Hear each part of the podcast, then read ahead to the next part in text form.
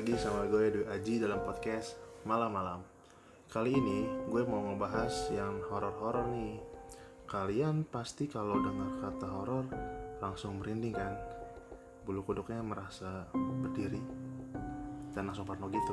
Nah, ini cerita horor Kali ini akan diceritain oleh bini gue sendiri.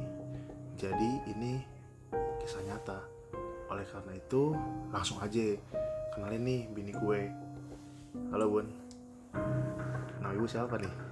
Coba coba coba. Ayo namanya siapa bu? Oh iya, Eh, halo selamat malam semua. Nama gue Cynthia, panggilannya Cynthia aja.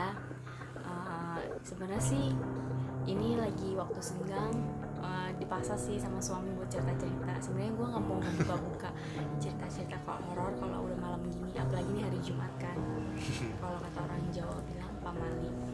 oh pemali ya malah yang pemali itu yang kita cari oke bun gini Em, katanya bunda punya banyak ya eh, cerita-cerita horor yang nyata yang dari apa namanya pengalaman bunda selama ini ya kira-kira yang mana ya bun ya yang mau diceritain sama bunda Ya jadi ceritanya itu waktu SMA.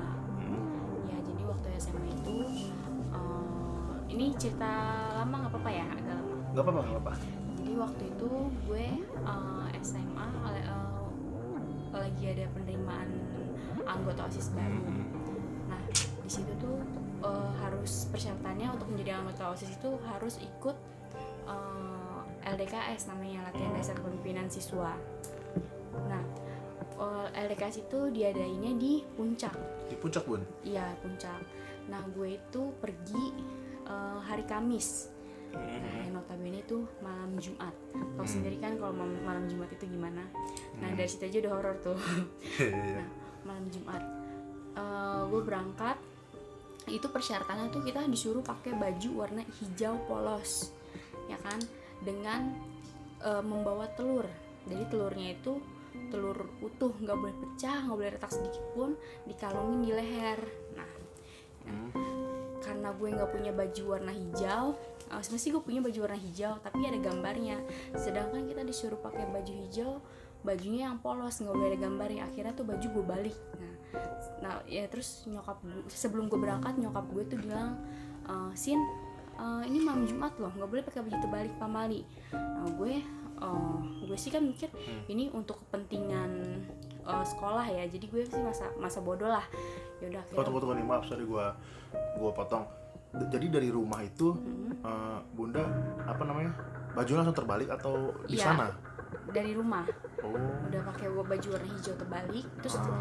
udah pakai telur dikalungin di leher Oh langsung itu. iya nah terus pas sampai sana eh, kita nah itu kita pas sampai sana itu kita sore ya sore nah itu kita langsung pemilihan kamar ditentuin kamarnya sama panitianya nah kebetulan gue dapet kamar di di, di bawah banget kamarnya itu ya deket pokoknya kamar itu untuk ke kamarnya itu jarak apa jalanannya itu banyak bebatuan licin ya.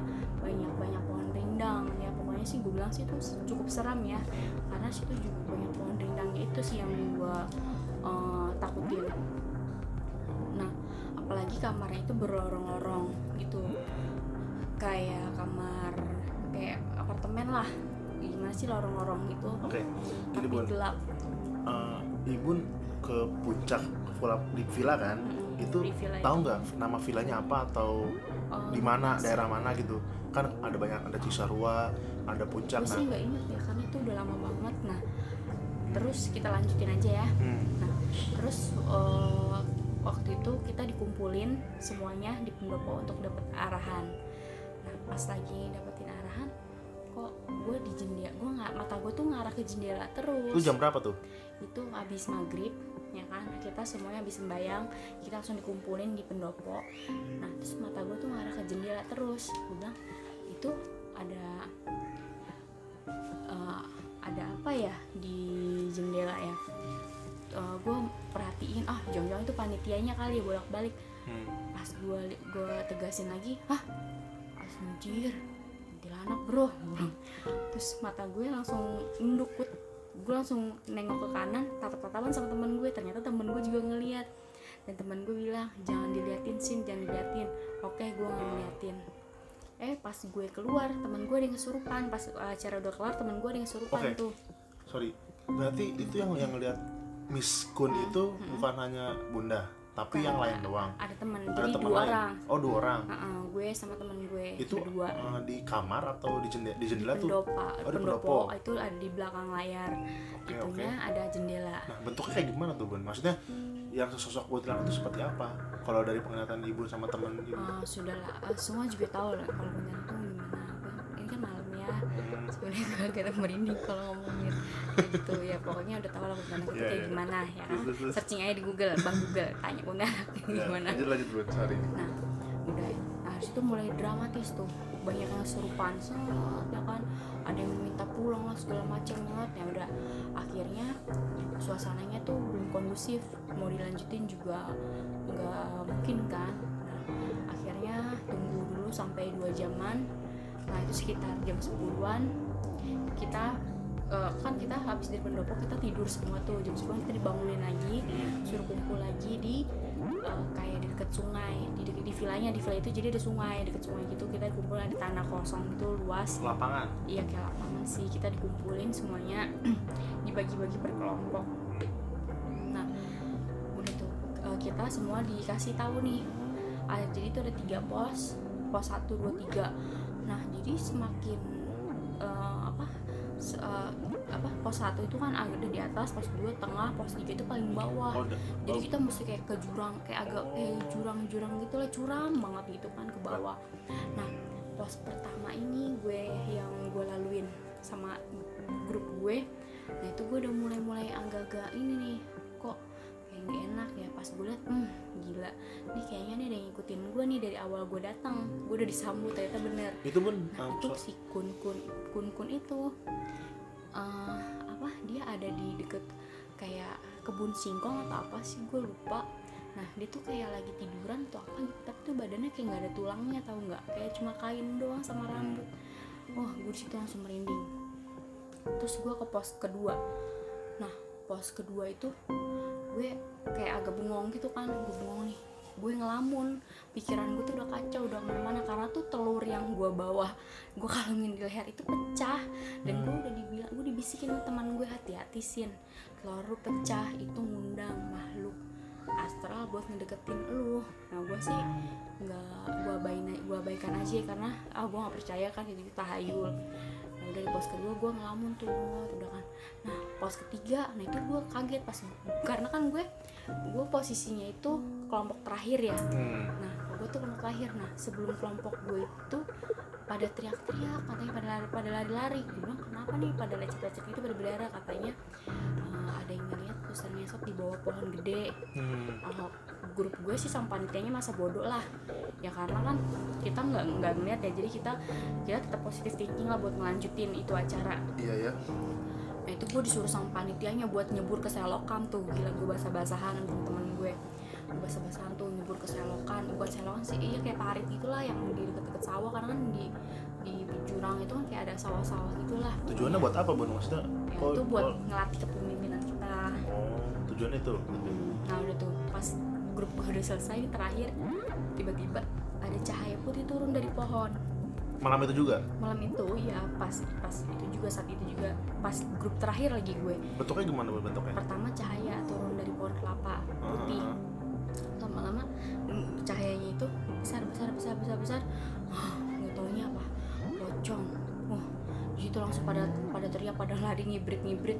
Oh badan udah pada lecet lecet kayak apa tau pada jatuh jatuh nabrak nabrak udah udah pada lemes. Kita di situ semua akhirnya di situ kita semua langsung mandi sholat ngumpul semua di situ pada berdoa.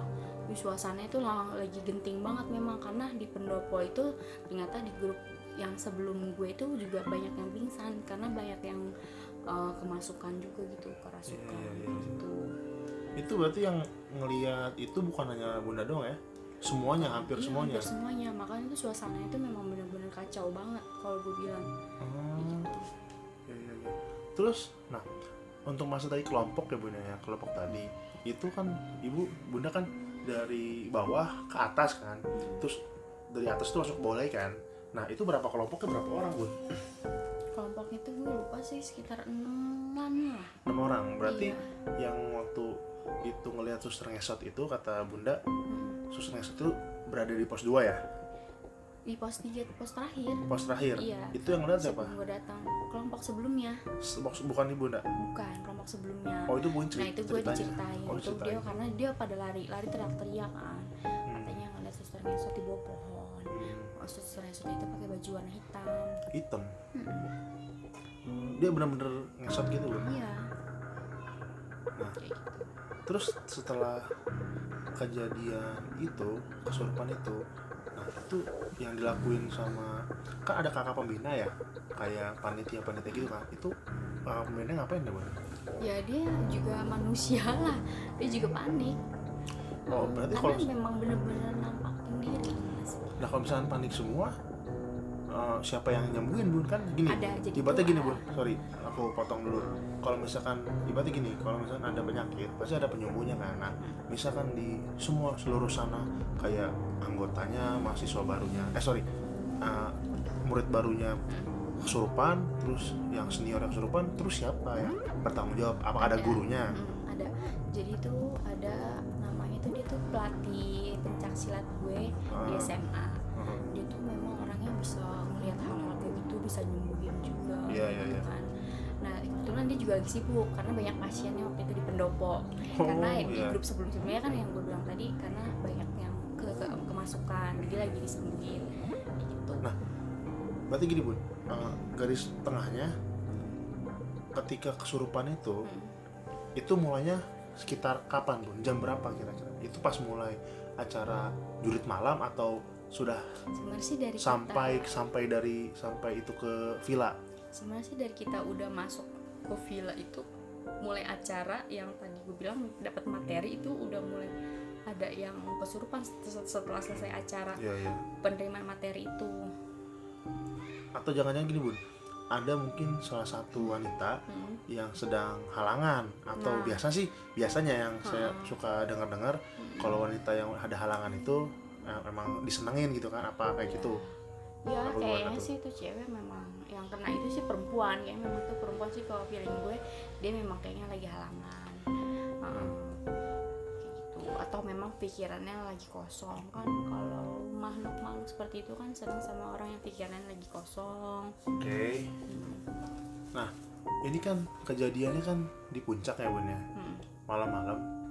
Dan yang gua aneh sih bun itu bisa kelihatan semua sama bukan sama ibu doang kan Hmm. itu hampir semuanya ngelihat iya nah kayak Miss Kun Hmm. terus Miss Suster Ngesot dan Pocong kan Hmm. itu hampir semua orang ngelihat di Iya. situ nah terus efek dari kejadian itu apa bun efeknya setelah Ya, itu setelah itu sih kita udah Itu ter- pernah di villa itu lagi karena memang itu villa sih dengar-dengar katanya itu villa memang horor oh dari masyarakatnya? Iya dari masyarakatnya itu bisa tahu dari mana bun?